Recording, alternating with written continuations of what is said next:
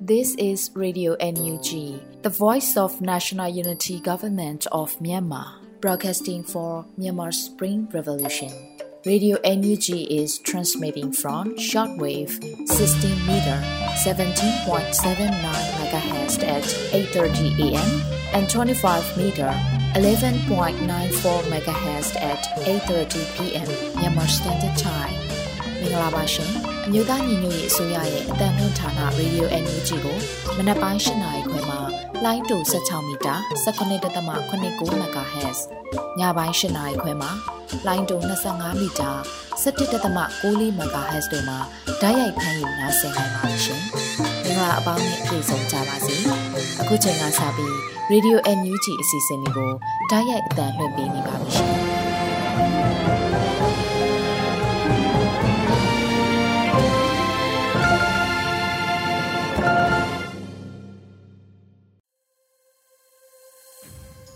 မြန်မာနိုင်ငံသူနိုင်ငံသားအပေါင်းတဘာဝပြီးစစ်အာဏာရှင်ပြီးတော့နေကင်းဝေးပြီးကိုစိတ်နှပါကြမှလုံခြုံပေးကင်းကြပါစေလို့ဗီဒီယို UNG အဖွဲ့သားများက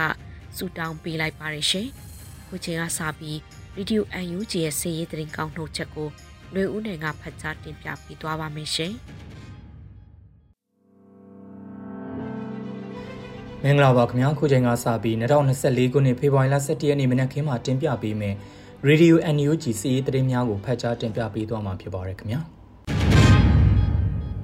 အခုပထမဆုံးတစ်ပုတ်အနေနဲ့စီးရီးအခြေအနေရှုပ်ထွေးနေတဲ့အတွက်ကြောင့်စိုက်ခေါင်စီဆိုင်ဆက်သွယ်ထားတဲ့ပြည်တော်စုကားလမ်းအပါအဝင်တော်လန်များယာယီပိတ်ထားတဲ့သတင်းကိုတင်ပြပေးပါမယ်။ ရှမ်းပြည်နယ်တောင်ပိုင်းကစီဆိုင်မြို့နယ်မှာစီရေးအခြေအနေရှုပ်ထွေးနေတာကြောင့်စိုက်ခေါင်စီဆိုင်ဆက်သွယ်ထားတဲ့ပြည်တော်စုလမ်းမကြီးအပါအဝင်တော်လန်တွေပါယာယီပိတ်ထားမယ်လို့ပအိုးအမျိုးသားလွတ်မြောက်ရေးတပ်မတော် PNL ကကြေညာလိုက်ပါတယ်။စီဆိုင်မြို့နယ်မှာစီရေးအခြေအနေရှုပ်ထွေးနေပြီးတော့အကြမ်းဖက်စစ်တပ်ကလေရင်တွေနဲ့ပြစ်ခတ်တိုက်ခိုက်နေတဲ့အတွက်အများပြည်သူသိရှိနိုင်ဖို့ PNL ကဖေဖော်ဝါရီလ10ရက်နေ့ညနေပိုင်းမှာအသိပေးကြေညာခဲ့တာဖြစ်ပါတယ်။ အခုနှစ်ဇန်နဝါရီလ22ရက်နေ့ကစပြီးတော့လက်ရှိအချိန်အထိစီဆိုင်မျိုးနယ်နဲ့အနီးတစ်ဝိုက်ကကြေးရွာတွေမှာတိုက်ပွဲတွေဖြစ်နေပြီးတော့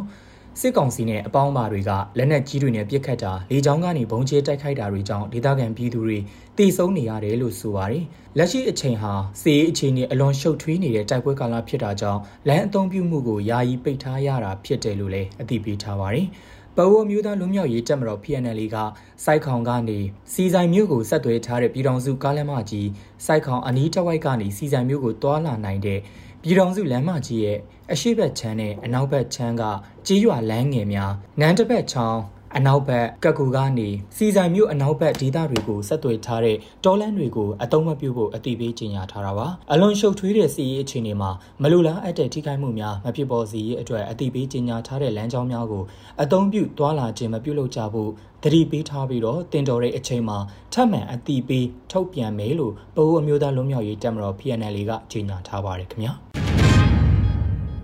ဆက်လက်ပြီးပြည်သူ့လူမျိုးရေးတပ်မတော်စီးတပ်သားများကကြေးရွာနေပြည်သူများကိုကျန်းမာရေးစောင့်ရှောက်ပေးနေတဲ့သတင်းကိုတင်ပြပေးပါမယ်။ပြည်သူ့လူမျိုးရေးတပ်မတော် PLA စီးတပ်သားရဲဘော်များကကြေးရွာနေဒေသခံပြည်သူများကိုကျန်းမာရေးစောင့်ရှောက်မှုဆောင်ရွက်ပေးခဲ့တယ်လို့ဖေဖော်ဝါရီလ9ရက်နေ့မှာသတင်းထုတ်ပြန်ထားပါတယ်။ People's Liberation Army PLA အမှတ်1စစ်ဒေသအတွင်းမှာရှိတဲ့ကြေးရွာများမှာဒေသခံပြည်သူများထံကိုတွားရောက်ပြီးတော့တက်ကြီးရွယ်ဦးများအပါအဝင်လူဦးရေ100ခန့်ကိုကျန်းမာရေးစောင့်ရှောက်မှုများဆောင်ရွက်ပေးခဲ့တာဖြစ်တယ်လို့သိရပါတယ်။ပြည်သူ့လူမျိုးရေးတပ်မတော် PLA ကပြီးခဲ့တဲ့ရက်ပိုင်းအတွင်းကလည်းမိုးမိတ်မြို့နယ်အတွင်းမှာရှိတဲ့စစ်ဘေးရှောင်ပြည်သူများကိုလည်းစားနပ်ရိက္ခာဆန်များစားသုံးစီများနဲ့စေဝါများကိုလည်းထောက်ပံ့ပေးအပ်ခဲ့တယ်လို့သိရပါတယ်ခင်ဗျာ။ ဆက်လက်ပြီးမြင်းကြံနယ်မြောက်ကျွန်းကြီးရွာရှိစစ်တပ်အထိုင်စခန်းကိုတိုက်ခိုက်မှုစစ်သားရှိဦးထက်မင်းတေဆုံးတဲ့တဲ့ရင်ကိုတင်ပြပေးပါမယ်။မန္တလေးတိုင်းမြင်းကြံမြို့နယ်တဲကမြောက်ကျွန်းကြီးရွာမှာရှိတဲ့အကြံဘက်စစ်တပ်အထိုင်စခန်းကိုပြည်သူ့ကာကွယ်ရေးပူးပေါင်းအဖွဲ့ကတိုက်ခိုက်ခဲ့ရမှာစစ်သား၈ဦးထက်မနည်းတေဆုံးသွားခဲ့တယ်လို့မန္တလေးခရိုင်တပ်ရင်း6 NDA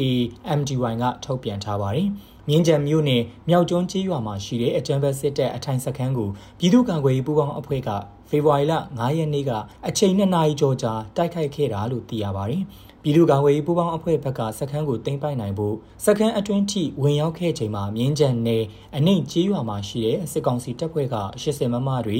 drone တွေနဲ့ဘုံတိချတိုက်ခိုက်ခဲ့တာကြောင့်စခန်းမသိမ်းနိုင်ပဲအထီးကိမ့်မဖြစ်အောင်ပြန်လည်ဆုတ်ခွာခဲ့ရတယ်လို့ NDAMDY ကအတိပေးထားပါတယ်။ ချင်းမှတ်မထားတဲ့အင်အားကြောင့်စုခွာခဲ့ရပေမဲ့မဟာမိတ်တပ်ဖွဲ့ဝင်တွေအနေနဲ့စစ်ကောင်စီတပ်ဖွဲ့ရဲတပ်ဖွဲ့နဲ့၎င်းတို့လက်အောက်ခံပြူစောထီးတွေကိုအပိသက်ချေမှုန်းသွားမယ်လို့မန္တလေးခရိုင်တရင်6ကထုတ်ပြန်ထားပါတယ်။မြောက်ကျွန်းကြီးရွာမှာရှိတဲ့အကြမ်းဖက်စစ်တပ်အထိုင်စခန်းကိုမန္တလေးခရိုင်အမှတ်6တရင်နဲ့အတူမဟာမိတ်တပ်ဖွဲ့စုစုပေါင်း20ကျော်နဲ့တိုက်ခိုက်ခဲ့တာဖြစ်တယ်လို့သိရပါတယ်ခင်ဗျာ။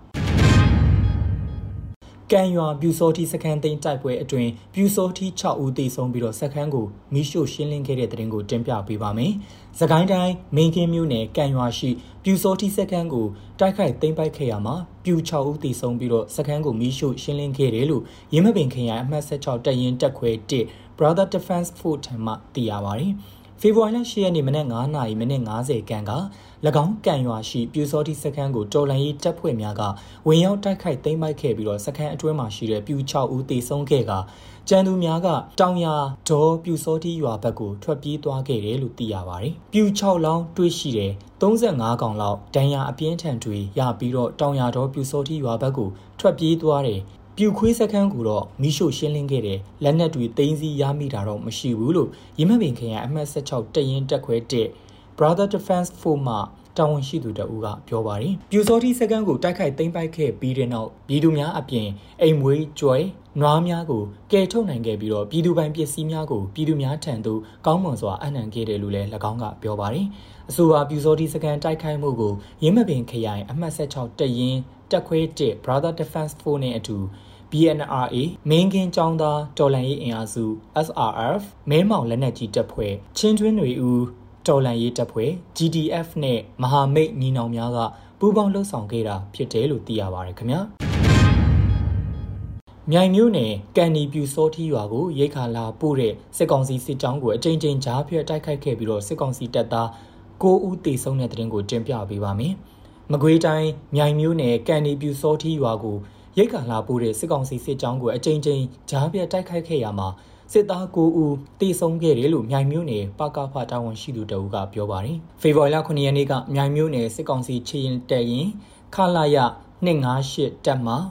ကန်နီပြူစောထီရွာကိုရိတ်ခါလာပို့ရန်ထွက်လာတဲ့စစ်ကြောင်းကိုမနက်9နာရီခွဲမှာတစ်ကြိမ်မနက်7နာရီဝန်းကျင်မှာတစ်ကြိမ်ကြားပြတ်တိုက်ခိုက်ခဲ့တာဖြစ်တယ်လို့သိရပါတယ်။အဆိုပါတိုက်ခိုက်မှုကြောင့်စစ်ကောင်စီတပ်သား9ဦးအထိသေဆုံးနိုင်ပြီးတော့ထိခိုက်ဒဏ်ရာရရှိသူများနိုင်တယ်လို့ဆိုပါတယ်။ဖေဖော်ဝါရီလ9ရက်နေ့မွန်လွဲတနာရီခွဲခန့်ကလည်း၎င်းစစ်ကြောင်းကိုတော်လန်ရေးတပ်ဖွဲ့များကစနိုက်ပါအဖြစ်ထပ်မံပစ်ခတ်တိုက်ခိုက်ခဲ့ပြီးတော့စစ်သား2ဦးသေဆုံးခဲ့တယ်လို့ဆက်ပြောပါတယ်။ ဒါအပြင်ဖေဖော်ဝါရီလ10ရက်မနက်10:00နာရီ73မိနစ်ခန့်မှာအဆိုပါစစ်ကောင်စီစစ်ကြောင်းနဲ့တော်လှန်ရေးတပ်ဖွဲ့များထပ်မံတိုက်ပွဲဖြစ်ပွားခဲ့ပြီးတော့စစ်ကောင်စီတပ်သား9ဦးပြင်းထန်ဒဏ်ရာရရှိကာမြို့တွင်းစေးရုံကိုပြန်တည်ဆောင်သွားတယ်လို့လည်းသိရပါတယ်။အဒီနောက်ဖေဖော်ဝါရီလ10ရက်နေ့မွန်လွဲ2နာရီခွဲခန့်မှာ၎င်းစစ်ကြောင်းကိုတော်လှန်ရေးတပ်ဖွဲ့များကမိုင်း6လုံး drone face wind များဖြင့်ဘုံဒီများကျဲချတိုက်ခိုက်ခဲ့ပြီးတော့ ထိတွေ့တိုက်ပွဲ10မိနစ်ခန့်ဖြစ်ပွားခဲ့သေးတယ်လို့သိရပါတယ်။တို့ဖြစ်ပါ၍အထိနာနေတဲ့အကြမ်းဖက်စစ်ကောင်စီစစ်ကြောင်းကပြည်သူများကိုဖမ်းဆီးတပ်ဖြတ်ခြင်းနေအိမ်များကိုမိရှုဖျက်ဆီးခြင်းများလှုပ်ဆောင်လာနိုင်တာကြောင့်ပြည်သူများအနေနဲ့စစ်ကြောင်းတရင်ကိုအမြဲတမ်းနားထောင်ပြီးတော့စီရေးတတိဖြစ်နေထိုင်ကြဖို့မြိုင်ပကဖကတတိပေးထုတ်ပြန်ထားပါတယ်။အဆိုပါတိုက်ခိုက်မှုကိုမြိုင်ပကဖတက်ရင်တက်စုတက်စိတ်များနဲ့ပခုတ်ကူခရိုင်တက်ရင်နှင့်6ခုနှစ် ဆက်ခွန်တို့ကအတူတကွပူးပေါင်းလှုပ်ဆောင်ခဲ့ကြတာဖြစ်တယ်လို့လည်းသိရပါတယ်ခင်ဗျာချောင်းဦးမြို့နယ်မှာစစ်ကောင်စီတပ်ကပြည်သူများကိုဖမ်းဆီးပြီးတော့မိုင်းရှင်းခိုင်းခဲ့တဲ့တဲ့တင်ကိုတင်ပြပေးပါမယ်။ စကိုင်းတိုင်းချောင်းဦးမြို့နယ်မှာစစ်ကောင်စီတပ်ကပြည်သူများကိုဖမ်းဆီးပြီးလက်ပလာနဲ့မိုင်းရှင်းခိုင်းခဲ့ရာပြည်သူတအုပ်ထိခိုက်ဒဏ်ရာရရှိခဲ့တယ်လို့သိရပါတယ်။ဖေဖော်ဝါရီလ10ရက်နေ့မနက်၈နာရီခွဲခန့်ကချောင်းဦးမြို့နယ်အဝင်ရှိရတနာအောင်စီဆိုင်အနီးကိုမိုင်းရှင်းရန်လာတဲ့အနောက်မြောက်တိုင်းစစ်ဌာနချုပ်မုံရွာမှစစ်သား300ဝန်းကျင်ဟာခရီးသည်တင်မှတ်လုံကားဖြင့်ခင်မွန်ကျေးရွာကိုဝင်ရောက်လာပြီးတော့မုံရွာမန္တလေးလမ်းဘေးမှာရှိတဲ့ပြည်သူ20ခန်းကိုဖမ်းဆီးကမိုင်းရှင်းခိုင်းခဲ့တာဖြစ်ပါတယ်။၎င်းဖမ်းဆီးကံပြည်သူ20ခန်းကိုခင်မွန်ရွာမြောက်ဘက်အထွက် ကျောင်းခွေအနီးမှာမိုင်းများရှာဖွေဖြုတ်ခိုင်းခဲ့ပြီးတော့မနက်9နာရီခွဲမှာလဲခင်မွန်ရွာအနီးလက်ဖက်ရည်ဆိုင်မှာထိုင်နေတဲ့ပြည်သူ၈ဦးကိုထပ်မံဖမ်းဆီးကခင်မွန်ရွာတောင်ဘက်လမ်းပေါ်မှာမိုင်းများထပ်မံရှင်းလင်းခိုင်းခဲ့တယ်လို့သိရပါတယ်။အဲဒီလိုပြည်သူများကိုမိုင်းရှင်းခိုင်းရမှာလုံခြုံရေးအကာအကွယ်နဲ့မိုင်းရှာဖွေရှင်းလင်းဆက်တွေမပါရှိပဲလက်နဲ့ဖြုတ်ခိုင်းခဲ့တာဖြစ်ပြီးတော့ဝါယာကြိုးဖြတ်เสียမပါခဲ့ရင်တောင်ပါဇက်နဲ့ကိုက်ဖြတ်ဆိုပြီးတော့ခိုင်းခဲ့တယ်လို့ချောင်းဦးမြို့နယ်အခြေဆိုင် PDF ရဲဘော်တအုပ်ထံကပြောပါတယ်။ မိုင်းရှင်းလင်းနေစဉ်ပြည်သူတအုပ်လည်းမိုင်းစာထိမှန်ဒဏ်ရာရရှိခဲ့ပြီးတော့စိုးရင်ရတဲ့အခြေအနေမဟုတ်ဘူးလို့၎င်းကဆက်ပြောပါတယ်။အဲဒီနောက်မနက်10:45မိနစ်ခန့်မှာ၎င်းစစ်ကောင်စီတပ်ကမိုင်းရှင်းခိုင်းထားတဲ့ပြည်သူများကိုပြန်လွတ်ပေးခဲ့ပြီးတော့ဖြုတ်ယူရှင်းလင်းထားတဲ့မိုင်းများကိုယူဆောင်ကချောင်းဦးမျိုးအဝင်ရှိမြပလဲဂိတ်အတွင်းကိုဝင်ရောက်သွားခဲ့တယ်လို့သိရပါတယ်ခင်ဗျာ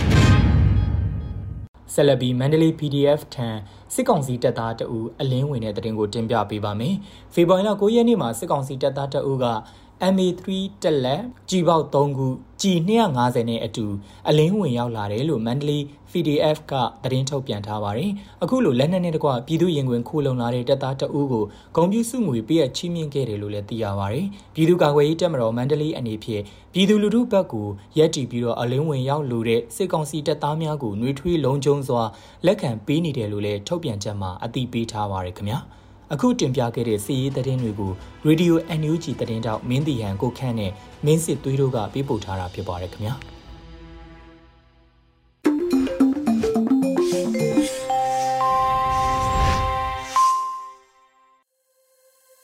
ဆက်လက်ပြီးပြည်တွင်းသတင်းများကိုရွေဦးမွန်ကတင်ပြပေးပါမယ်ရှင်။မင်္ဂလာမနက်ခင်းပါရှင်။ 2024ခုနှစ်ဖေဖော်ဝါရီလ17ရက်နေ့ Radio NUG ပြည်တွင်သတင်းတွေကိုတင်ပြပေးသွားပါမယ်။ကျွန်မကတော့ຫນွေဦးမွန်ပါ။ပြည်သူလူထုထောက်ခံယုံကြည်မှုမရတာကြောင့်ရန်သူအကြမ်းဖက်စစ်ကောင်စီတပ်ဟာတဖြည်းဖြည်းပြိုလဲတော့မှဖြစ်တယ်လို့ကာဝေးဝင်ကြီးပြောကြားတဲ့အကြောင်းအရာကိုတင်ပြပေးပါမယ်။ပြည်သူလူထုထောက်ခံယုံကြည်မှုမရတာကြောင့်ရန်သူအကြမ်းဖက်စစ်ကောင်စီတပ်ဟာတဖြည်းဖြည်းပြိုလဲတော့မှဖြစ်တယ်လို့အမှတ်၁စစ်ဒေသမကွေးတိုင်းကိုကဲရုံမှဦးစီးသည့် NCO အကြက်တင်တဲ့ပတ်စဉ်တစ်တင်နန်းစင်အခမ်းအနားသို့ပေးပို့သောတဝင်လွှာမှာကာကွယ်ဝင်ကြီးဦးရင်မွန်ကပြောကြားထားပါတယ်။ရန်သူအကြမ်းဖက်စစ်ကောင်စီတပ်ဟာတဖြည်းဖြည်းပြိုလဲတော့မှာဖြစ်တယ်။အင်မတန်တောင်တင်းခိုင်မာပါတယ်ဆိုတဲ့စစ်တပ်ဘာကြောင့်ပြိုလဲတယ်လဲ။အရေးကြီးဆုံးအချက်ကပြည်သူလူထုထောက်ခံယုံကြည်မှုမရတာကြောင့်ဖြစ်တယ်။ရန်သူအကြောင်းလေ့လာရမှာသူတို့ရှုံးနေရတဲ့အချက်တွေကိုလည်းအာယုံဆိုင်လေ့လာရမှာဖြစ်တယ်လို့ဆိုပါတယ်။ ဒါအပြင်ရန်သူအရှုံးကိုသင်ခန်းစာယူပြီးပြည်သူလူထုအားကိုးထောက်ခံတဲ့တပ်မတော်ဖြစ်အောင်တိဆောက်ကြရမှာဖြစ်တယ်လို့ကာကွယ်ရေးဝန်ကြီးကဆိုပါတယ်ရှင်။ NUG လူခွင့်ရေးဆိုင်ရာဝန်ကြီးဦးအောင်မျိုးမင်းတို့ One Day Challenge ကလက်ဆောင်ပေးအပ်တဲ့သတင်းကိုဆက်လက်တင်ပြပေးပါမယ်။ NUG လူခွင့်ရေးဆိုင်ရာဝန်ကြီးဦးအောင်မျိုးမင်းတို့ One Day Challenge ကလက်ဆောင်ပေးအပ်ခဲ့တယ်လို့ One Day Challenge ကတရားဝင်အသိပေးဖော်ပြပါတယ်။ One Day Challenge member ဟာ NUG တို့ဒေါ်လာ1.2ပေးပို့နိုင်ခဲ့ပြီး လစဉ်ဆက်လက်ပေးပို့လျက်ရှိပါတယ်။ဒါအပြင် PDF CDM များနဲ့စစ်ပေးရှောင်များတို့လည်းထောက်ပံ့ပေးပို့လျက်ရှိပါတယ်ရှင်။မြို့သားညီညွတ်ရေးအစိုးရလူသမားဝန်ကြီးဌာနအနေဖြင့်ဆောင်ရွက်ထားရှိသည့်လုပ်ငန်းစဉ်များအားပြည်ထောင်စုလွှတ်တော်ကိုစားပြုကော်မတီအစည်းအဝေးသို့ရှင်းလင်းတင်ပြတဲ့သတင်းကိုတင်ပြပေးပါဦးမယ်။မြို့သားညီညွတ်ရေးအစိုးရလူသမားဝန်ကြီးဌာနအနေနဲ့ဆောင်ရွက်ထားရှိတဲ့လုပ်ငန်းစဉ်တွေကိုပြည်ထောင်စုလွှတ်တော်ကိုစားပြုကော်မတီအစည်းအဝေးသို့ရှင်းလင်းတင်ပြခဲ့ပါတယ်။ဖေဖော်ဝါရီလ9ရက်နေ့ ည9နာရီအချိန်တွင်ဗီဒီယိုကွန်ဖရင့်မှတစ်ဆင့်ကျင်းပခဲ့တဲ့ပြည်ထောင်စုလွှတ်တော်ကိုစားပြုကော်မတီပုံမှန်လုပ်ငန်းညှိနှိုင်းအစည်းအဝေးမှတ်စဉ်9မြင်းဆောင်2024မှာမြို့သားညီညွတ်ရေးအစိုးရလူသမားဝန်ကြီးဌာန၏ဆောင်ရွက်ထားရှိသည့်လုပ်ငန်းစဉ်များနှင့်ဆက်လင်းပြီးရှင်းလင်းတင်ပြခြင်းအစီအစဉ်တရက်ကိုထည့်သွင်းကျင်းပခဲ့ပါတယ်။စီဝေးမှာပြည်ထောင်စုလွှတ်တော်ကိုစားပြုကော်မတီဥက္ကဋ္ဌဦးအောင်ကြည်ညွန့်ကဖွင့်မစကားပြောကြားပြီးနောက်လူသမားဝန်ကြီးဌာနမှဒုတိယဝန်ကြီးဦးကျော်နေကဝန်ကြီးဌာန၏ဖွဲ့စည်းပုံနှင့်မူဝါဒအားရှင်းလင်းတင်ပြရာ မူဝါဒတွင်မြို့သားညီညွတ်ရေးအစိုးရအားနိုင်ငံတကာတိုင်းဝမ်တွင်ထောက်ခံပံ့ပိုးမှုများရရှိရေးလူသမားတို့၏အခွင့်အရေးကိုကာကွယ်ပေးရေးမြို့သားညီညွတ်ရေးအစိုးရအားထောက်ခံသောလုပ်ငန်းရှင်များ၏အကူအညီရယူရေးနှင့်စစ်ကောင်စီကိုထောက်ခံသောလုပ်ငန်းရှင်များအားအရေးယူနိုင်ရေးလူသမားဥပဒေများအားဒီမိုကရေစီနိုင်ငံတကာစံချိန်စံကျော်နှင့်ညီညွတ်ရေးစစ်ကောင်စီအားအမြင့်ပြတ်ဖျောက်ချရေးလုပ်ငန်းများနှင့်လုပ်ငန်းတာဝန်များပါရှိကြောင်းနှင့်ကောင်ထက်ဖော်ဆောင်ရွက်နေသည့်လုပ်ငန်းများအနေဖြင့်ကာကြီး ILO အပောင်းဝင်ပြည်ပဆိုင်ရာအဖွဲ့အစည်းများနှင့်ပူးပေါင်းဆောင်ရွက်ခြင်းခါခွေလူသမားခွင့်ရေးကာကွယ်ဆောင်ရှောက်ခြင်းကငယ်အသက်မွေးနှင့်ကျွမ်းကျင်မှုဖွံ့ဖြိုးတိုးတက်ရေးတည်နှံများပို့ချခြင်းကာကြီးလူသမားရေးရာဥပဒေမူပေါင်းပြန်လည်သုံးသပ်ပြင်ဆင်ခြင်းနှင့်အသေးရေးဆွဲခြင်းငဂျားကာလပြည်သူ့အုပ်ချုပ်ရေးဖော်ဆောင်မှုနှင့်ပတ်သက်သည့်လုပ်ငန်းဆောင်ရွက်ချက်များစာလုံးအခြားလုပ်ငန်းဆောင်ရွက်ချက်များအားရှင်းလင်းတင်ပြခဲ့ပြီးဆက်လက်၍လုပ်ကိုင်းခွင့်လန်းများဖန်တီးရေးနှင့်ဝင်ငွေရရှိတိုးပွားရေးကော်မတီရဲ့ဆောင်ရွက်ချက်များနဲ့ ဆက်လက်ဆောင်ရွက်မဲ့ရှေ့လုပ်ငန်းစဉ်များကိုရှင်းလင်းဆွေးနွေးတင်ပြခဲ့ကြပါတယ်။အဲဒီနောက်တက်ရောက်လာတဲ့လွှတ်တော်ကိုယ်စားလှယ်များကမင်းမြန်ဆွေးနွေးအကြံပြုခြင်းပြည်ထောင်စုလွှတ်တော်ကိုစားပြုကော်မတီမှဖွဲ့ဝင်များကရှေ့ဆက်လှုပ်ဆောင်မဲ့လုပ်ငန်းစဉ်များနဲ့ဆက်လက်ပြီးဆွေးနွေးခြင်းများဆောင်ရွက်ခဲ့ပါတယ်။ဆက်လက်ပြီးဖရရေးယာကော်မတီနှင့်နိုင်ငံတကာဆက်ဆံရေးကော်မတီတို့ကကော်မတီလိုက်လုပ်ငန်းဆောင်ရွက်ထားရှိမှုအခြေအနေများနဲ့ဆက်လင်းပြီးရှင်းလင်းတင်ပြခဲ့ကြပြီးရေးရာကော်မတီဖွဲ့ဝင်များကသိရှိလိုသည့်တွေကိုမေးမြန်းဆွေးနွေးခဲ့က စီဝေးကိုရုပ်သိမ်းခဲ့ပါတယ်။စီဝေးတို့ပြည်ထောင်စုလွှတ်တော်ကိုစားပြုကော်မတီဥက္ကဋ္ဌနဲ့ဖွဲ့ဝင်များရေးရာကော်မတီများမှဖွဲ့ဝင်များလုံသမားဝန်ကြီးဌာနမှဒုတိယဝန်ကြီးဖွဲ့ဝင်များနှင့်ရုံးဖွဲ့ဝင်များတက်ရောက်ခဲ့ကြပါတယ်ရှင်။တောင်ကိုရီးယားနိုင်ငံအင်ချွန်းမြို့နယ်ဘူဖြောင်းမြို့မှာကျင်းပတဲ့ဆီယနာသိမ်းမှုစန့်ကျင်ခြင်းလူလူလှုပ်ရှားမှု၃နှစ်ပြည့်ဆန္ဒပြတပိတ်ကို NUG ကိုရီးယားနိုင်ငံဆိုင်ရာကိုယ်စားလှယ်ဥယျာဉ်နိုင်ထွန်းနဲ့စီဒီအမ်ဘိုကြီးလင်းထက်အောင်တို့တက်ရောက်တဲ့သတင်းကိုဆက်လက်တင်ပြပေးပါမယ်။ တောင်ကိုရီးယားနိုင်ငံအင်ချွန်းမြို့နယ်ဘူဖောင်းမြို့မှာကျင်းပတဲ့ဆီယနာသိမ်းမှုစန့်ကျင်ခြင်းလူလူလှုပ်ရှားမှု၃နှစ်ပြည့်ဆန္ဒပြတပိတ်ကို NUG ကိုရီးယားနိုင်ငံဆိုင်ရာကိုယ်စားလှယ်ဥယျာဉ်နိုင်ထွန်းနဲ့စီဒီအမ်ဘိုကြီးလင်းထက်အောင်တို့တက်ရောက်ခဲ့ပါတယ်။လူလူလှုပ်ရှားမှု၃နှစ်ပြည့်ဆန္ဒပြတပိတ်ကိုဖေဖော်ဝါရီလ10ရက်နေ့မနက်7:00နာရီမှညနေ3:00နာရီထိကျင်းပခဲ့ပါတယ်။ဆိုဝါဆီယနာသိမ်းမှုစန့်ကျင်ခြင်းလူလူလှုပ်ရှားမှု၃နှစ်ပြည့်ဆန္ဒပြတပိတ်ကိုမြန်မာ Federal Democracy အောင်နိုင်အဖွဲ့ပေါင်းချုပ်မြန်မာ Federal Democratic Mission Coalition MFDNC နဲ့အတူနွေဦးတော်လေးတပိတ်အင်အားစုမှဦးဆောင်ကျင်းပခဲ့ခြင်းဖြစ်ပါတယ်။ဆန္ဒပြပွဲမှာနွေဦးတော်လေးအတွင်းပေးဆက်ခဲ့ကြတဲ့အာဇာနည်သူရဲကောင်းများအားဥညွတ်လေးပြုခဲ့ကြပြီးသစ္စာဒိဋ္ဌံလေးချက်ရွဆိုကဖွင့်လှစ်ခဲ့ပါတယ်။ MFDNC အဖွဲ့ဥက္ကဋ္ဌဦးစောမိုးအောင်မှအဖွဲ့မှစကားပြောကြားခဲ့ပြီးမြို့သားညီညွတ်ရေးအစိုးရ NUG ကိုရီးယားနိုင်ငံဆိုင်ရာကိုယ်စားလှယ်ဥယျာဉ်နိုင်ထွန်းနဲ့စီဒီအမ်ဘိုကြီးလင်းထက်အောင်တို့မှလည်းတက်ရောက်၍တော်လိုင်းစကားများပြောကြားခဲ့ပါတယ်။ နယူးတော်လိုင်းတက်ကြွလှုပ်ရှားသူများမှတော်လိုင်းစကားများစီယုံပြောဆိုခြင်းတော်လိုင်းသချင်းများတန်ပြိုင်သည်ဆိုခြင်းတော်လိုင်းကြပြများရွတ်ဆိုခြင်းကြွေးကြော်သံများကြွေးကြော်ခြင်းတန်ကြက်ရွတ်ဆိုခြင်းများဖြင့်စီကားစွာပြုလုပ်ခဲ့ပြီး MFDNC ထောက်ဖို့တပ်သားများကိုရီးယားအဖွဲ့အစည်းများပူးပေါင်းဝင်ရန်သူများဖြင့်လူ300ကျော်စုဝေးကျင်းပခဲ့ကြပါတယ်ရှင်။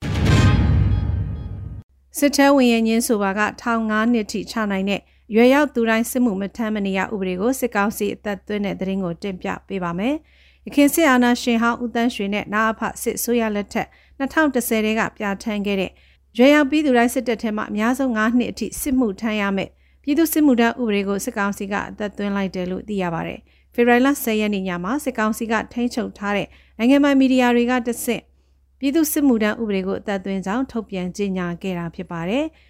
ဆိုမှဥပဒေရတာမတ်ရက်သားများထဲမှ18နှစ်မှ35နှစ်အတွင်းမျိုးသားများနဲ့18နှစ်မှ28နှစ်အတွင်းမျိုးသမီးများကိုစစ်ထဲမှာ2နှစ်ထိစစ်မှုထမ်းရန်ဆင့်ခေါ်နိုင်ပြီး ရေးပေါ်ခြေနေမှာ9နှစ်ထိစစ်မှုထမ်းကာလကိုတိုးမြှင့်နိုင်တယ်လို့ပြဋ္ဌာန်းထားပါတယ်။ဆရာဝန်အင်ဂျင်နီယာစက်မှုလက်မှုအတတ်ပညာတက်မြောက်သူသို့မဟုတ်အခြားအတတ်ပညာတစ်ခုခုနဲ့အသက်မွေးနေသူဖြစ်ပါက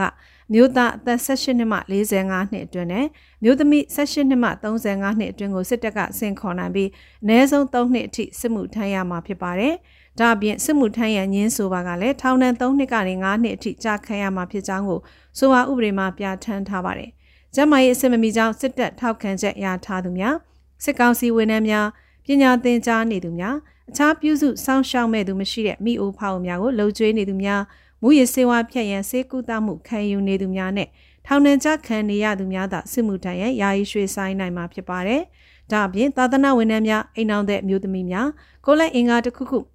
အမြဲတမ်းမတန်ဆွမ်းသူများကျန်းမာရေးအဆင့်မမီကြောင်းစစ်တပ်ထောက်ခံချက်ရထားသူများနဲ့ ပြည်သူစစ်မှုထမ်းစင်ခေါ်ရေးဗဟိုအဖွဲ့ကအမိန့်ထုတ်ပြန်ပြီးကင်းလွတ်ခွင့်ပြုထားသူများကတော့စစ်မှုထမ်းရန်ကင်းလွတ်ခွင့်ရမှာဖြစ်တယ်လို့သိရပါတယ်ရှင်။ခုတင်ပြခဲ့တဲ့သတင်းတွေကို Radio NUG သတင်းတောက်မင်းတီဟန်ကိုခန့်နဲ့မင်းစစ်သွေးတို့မှပေးပို့ထားတာဖြစ်ပါတယ်ရှင်။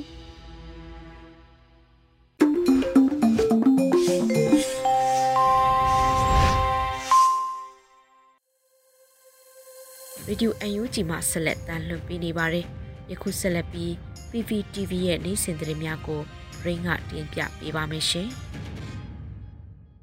အခုချိန်ကစပြီး PPTV သတင်းတွေကိုတင်ဆက်ပေးသွားမှာပါ။ကျွန်မရိန်ပါပထမဆုံးတင်ဆက်ပေးသွားမှာကတော့အကြမ်းဖက်စစ်ကောင်စီနဲ့ဆက်လက်ပူးပေါင်းဆောင်ရွက်နေတဲ့အမှုပညာရှင်အတက်ပညာရှင်တွေကိုထိရောက်ပြင်းထန်စွာအရေးယူမယ်လို့ပြည်သူ့ရဲတပ်ဖွဲ့ထုတ်ပြန်လိုက်တဲ့သတင်းမှာ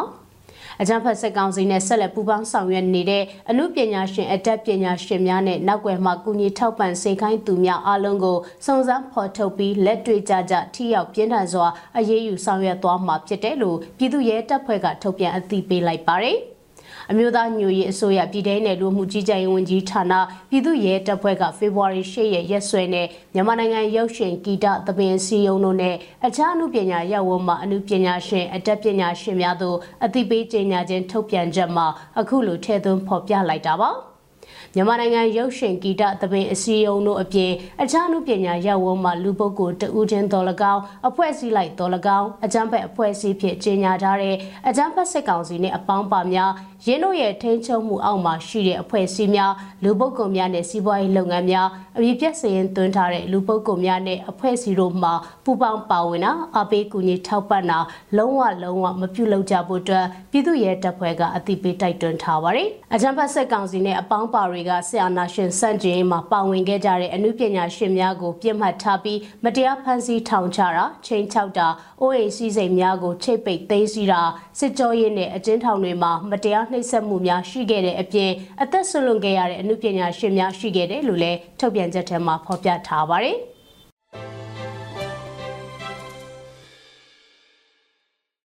အခုတော့ကုလသမဂ္ဂအတွင်းရေးမှူးချုပ်ရဲ့မြန်မာနိုင်ငံဆိုင်ရာအထူးကိုယ်စားလှယ်အလင်းမြန်ခန့်အနိုင်ရေးအတွက်တာမကြီးဦးကျော်မိုးထွန်းတောင်းဆိုလိုက်တဲ့သတင်းကိုတင်ဆက်ပေးပါမယ်။ ကုလသမဂ္ဂအတွင်းရေးမှူးချုပ်ရဲ့မြန်မာနိုင်ငံဆိုင်ရာအထူးကိုယ်စားလှယ်အလင်းမြန်ခန့်အနိုင်ရေးအတွက်ကုလသမဂ္ဂဆိုင်ရာမြန်မာအမြဲတမ်းကိုယ်စားလှယ်တာမကြီးဦးကျော်မိုးထွန်းကတောင်းဆိုလိုက်ပါတယ်။88ကြိမ်မြောက်ကုလသမဂ္ဂအထွေထွေညီလာခံအစည်းအဝေးကိုဖေဖော်ဝါရီ9ရက်ကပြုလုပ်ခဲ့ရာကုလသမဂ္ဂအတွင်းရေးမှူးချုပ်ရဲ့ Work of the Organization အစီရင်ခံစာနဲ့ပတ်သက်ပြီးအဖွဲ့ဝင်နိုင်ငံများရဲ့ရှင်းလင်းတင်ပြမှုမှာအခုလိုထည့်သွင်းပြောကြားလိုက်တာပါ။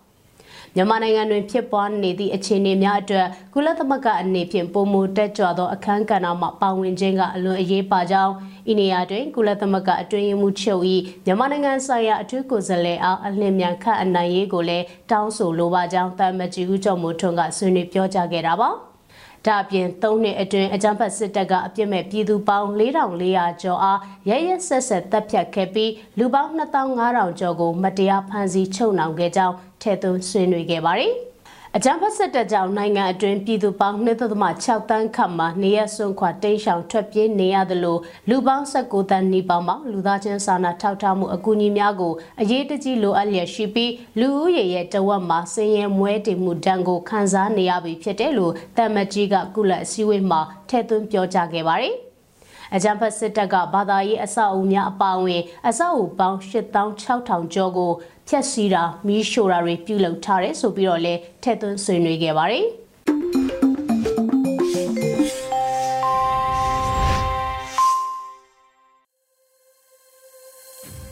ဆလပီတိုင်းသားဘာသာအစီအစဉ်အနေနဲ့ချိုးချင်းဘာသာစကားကွဲတစ်ခုဖြစ်တဲ့မွန်းဘာသာနဲ့သတင်းထုတ်လွှင့်မှုကိုနားဆင်ရမှာဖြစ်ပါတယ်။ဒီစီစဉ်ကိုတော့ဗီဒီယို UNG နဲ့ချိုးချင်းဘာသာထုတ်လွှင့်မှုဖွဲ့တို့ကပူးပေါင်းထုတ်လွှင့်တာဖြစ်ပါတယ်ရှင်။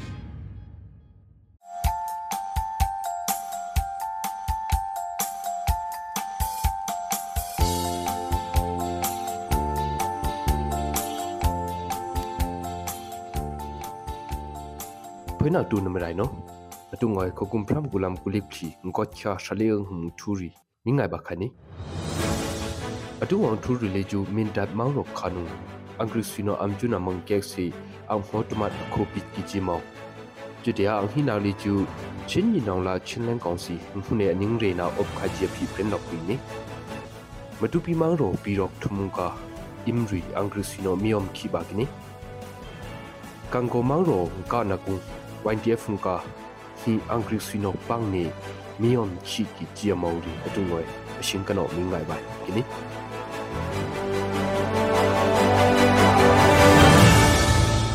မင်ဒမောရောရှိပြနုံကော့ချောက်ဖန်ဟုံအင်္ဂရိစီနောအမ်ဂျူနာမန်ကက်စီအခုကုမ်ရှလိကချီလောက်ကျာဟောစာတူမတ်အခုပင်နေတူမတ်လင်ကီဂျီအပရက်ကွီနိအမ်ဟောစာရီလီဂျူမင်ဒမောရောခါလာယာခိခွန်လီယာခါပူနေအမင်စိနာအုံယာကီနိ min da dung angrusino amjuna mungkek si khokyang ri amilim na ashong shonga kene khogum phram gulam gulik tum anghudanga wam tumaw ngdim hunu angrusino amjuna mungkek si akhum hakip thlorok kyak pa mi tumat asimaya khalaya ni kunlila tongbulu pungki kyong imang la kaphi mungkek si akhukum ku thlok lok kyak pa mi tumat akhu tumat apinna omman kichia phanna opkini CNC minta CDF minta CNO CNDF ZFU PDF Solen amik buma chin ni nongla chinlen kong siong huna op khajia chinlen kong si tengana prin lok ni kogum phram kulam kulek phi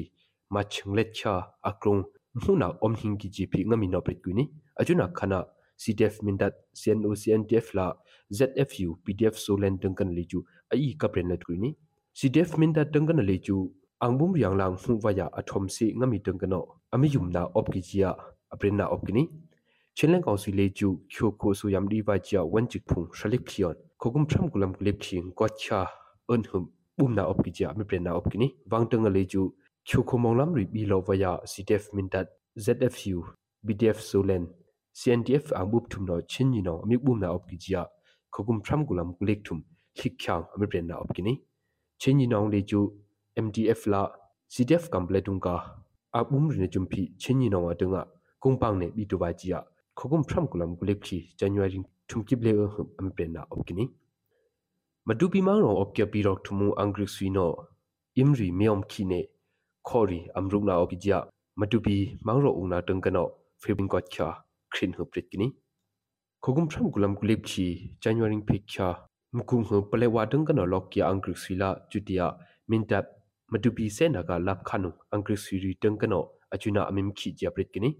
မဒူပီမောင်ရောဦးနာတန်ကနောဖေဘင်ကော့ချာခရင်ဟပရစ်ကိနီခခုံဖရမ်ကုလမ်ဂုလက်ခီဇန်နဝါရီဖိချာမကုံဟပလေဝါတန်ကနောလော့ကီအင်္ဂရိဆွီလာဂျူတီယာမင်တပ်မဒူပီစေနာကလပ်ခနုအင်္ဂရိဆွီရီတန်ကနောအချူနာအမင်ခီဂျာပရစ်ကိနီမတူပီငော့ပြစန်တပ်ပီရောလုံပန်းပီရောလာချမ်ပီယံပီပီရောငုံကာအင်ဒုံရီအမင်ခိကိနေခုချောင်ရခေါ်ရီပီအောက်ဒမ်မီယွန်အမင်ခိနာလာအမီလောက်နာအော့ပီချာမတူပီမောင်ရောအုံနာတန်ကန်လီချိုပရင်နာအော့ကိနီမကွိခုကန်ကိုမောင်ရောမြောက်ခင်းယန်ပီရောယုံတုံကာနာမြောက်ခင်းယန်ပီရောယ YDF ဟီဂျူအင်္ဂရိစီနော့ပန်းနေအက်ရှငါမီယွန်အမ်ခိနာအော့ပီချာပရစ်ကွီနီ ajuna angkrusino akshrak pangne mion am khi leju ynpf funga kyak ki chia khogum phram kulam gulik thum black khak shing thum ni shona pri opkimo ningam thindur ne atungang thuminga leju ashimbang kyak khani nyama khokrong la khyo khong nam kyak khyo sak khyang nim ban ayo thisina ong aina wi ayo mai ne nebum khut nam cheng nang sa cha shingkan oprin ni nupa phina ban lai number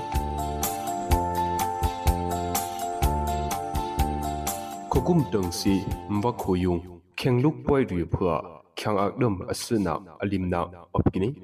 လမ်မိုင်းစလာကက်ဆက်ထေကျခေငလုံရီလေကျူအန်လုံကဒငုနေအန်ရှူအက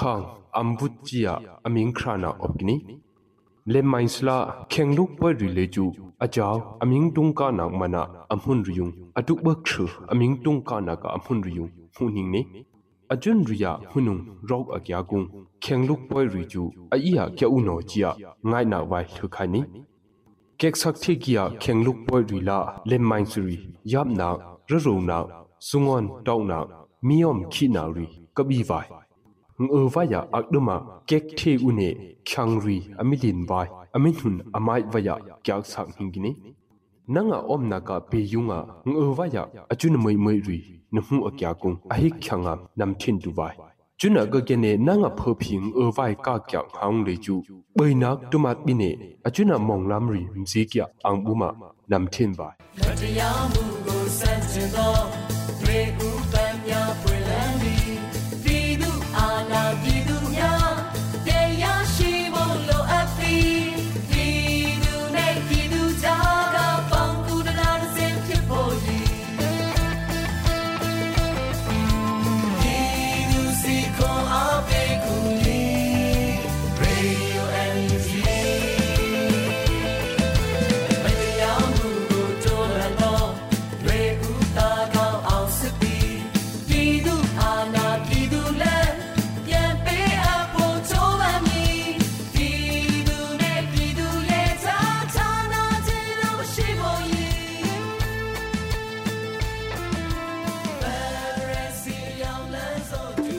ဒီကနေ့ကတော့ဒီညနဲ့ပဲ Radio NUG ရဲ့အစီအစဉ်လေးကိုခਿੱတရနာလိုက်ပါမယ်ရှင်။မြန်မာစံတော်ချိန်မနက်၈နာရီခွဲနဲ့ည၈နာရီခွဲအချိန်တွေမှာပြန်လည်ဆုံတွေ့ကြပါစို့။ Radio NUG ကိုမနက်ပိုင်း၈နာရီခွဲမှာလိုင်းတူ16မီတာ19.89